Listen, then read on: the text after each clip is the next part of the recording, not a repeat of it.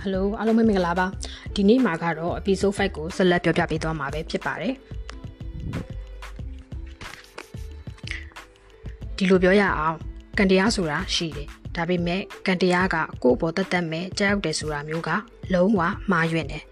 ဒီနေ့နေ့မှာကံတရားကကိုယ့်စီရောက်လာခဲ့တယ်ဆိုရင်တော့ခဏလေးရောက်လာတာပါပဲကိုယ့်စီမှာအကြကြီးနေမှာမဟုတ်ပါဘူးမင်းတီလား ဒီပေါက်တဲ့သူ90ရာခိုင်နှုန်းလောက်ဟာစနစ်တောင်မကြဘူးပေါက်ထားတဲ့ငွေတွေကိုဖြုံးကုန်ပြီးတကူဘွားရဲပြန်ရောက်သွားကြတယ်ကံကောင်းခြင်းကတော့နေရအချိန်မီ၍မင်းကိုယ်တိုင်မင်းအတွက်ကံကောင်းခြင်းတွေပေးနိုင်တယ်ဒါကြောင့်လဲကံကောင်းခြင်းလို့ငါတို့ခေါ်ခဲ့တယ်အဲ့ဒါဟာတကယ်ကံကောင်းခြင်းဖြစ်တယ်ဘာဖြစ်လို့တကယ်ကံကောင်းခြင်းလို့ပြောတာလဲကံကောင်းခြင်းမှာမတူတာတွေရှိသေးလို့လားဂျင်ကအချက်ချက်ကြမိတယ်ကြည်ရတာတငယ်ချင်းမက်ဆေ့စကားတွေကသူ့ကိုတော်တော်လေးဆွဲဆောင်နေခဲ့ပြီထင်ပါတယ် အဲ့ဒီပုံမြင်လေးကိုမင်းနားထောင်ကြည့်မလားဂျင်ခဏတော်တွေ့ရသားတယ်ဘလို့ပဲဖြစ်ဖြစ်နားထောင်ကြည့်လဲမမားပါဘူးအရင်လိုတောက်ပတဲ့ဘဝကိုမရခဲ့ရင်လဲနစ်နာစရာအကြောင်းတော့မရှိပါဘူးအသက်64နှစ်ရောက်နေတာတော့တငယ်ချင်းပြောမဲ့ပုံမြင်ကိုနားထောင်ရအောင်မဲဆိုတော့ကံကောင်းတယ်လို့ဆိုရမှာပေါ့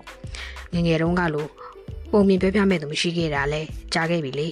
ကောင်းပြီလေနားထောင်ကြည့်ရတာပေါ့ဂျင်ကသဘောတူလိုက်ပါတယ်ဒီနေ့အတွက် episode 5ကပြီးဆုံးပြီဖြစ်ပါတယ် အဲ့ဒီမှာကံကောင်းခြင်းစီးမြင့်အနေနဲ့နံပါတ်1စာရေးသူကပြပြထားတာကတော့ကံတရားကအမြဲမကြာရှည်ဘူးအကြောင်းကသူဟာတင်နဲ့မသက်ဆိုင်လို့ပါ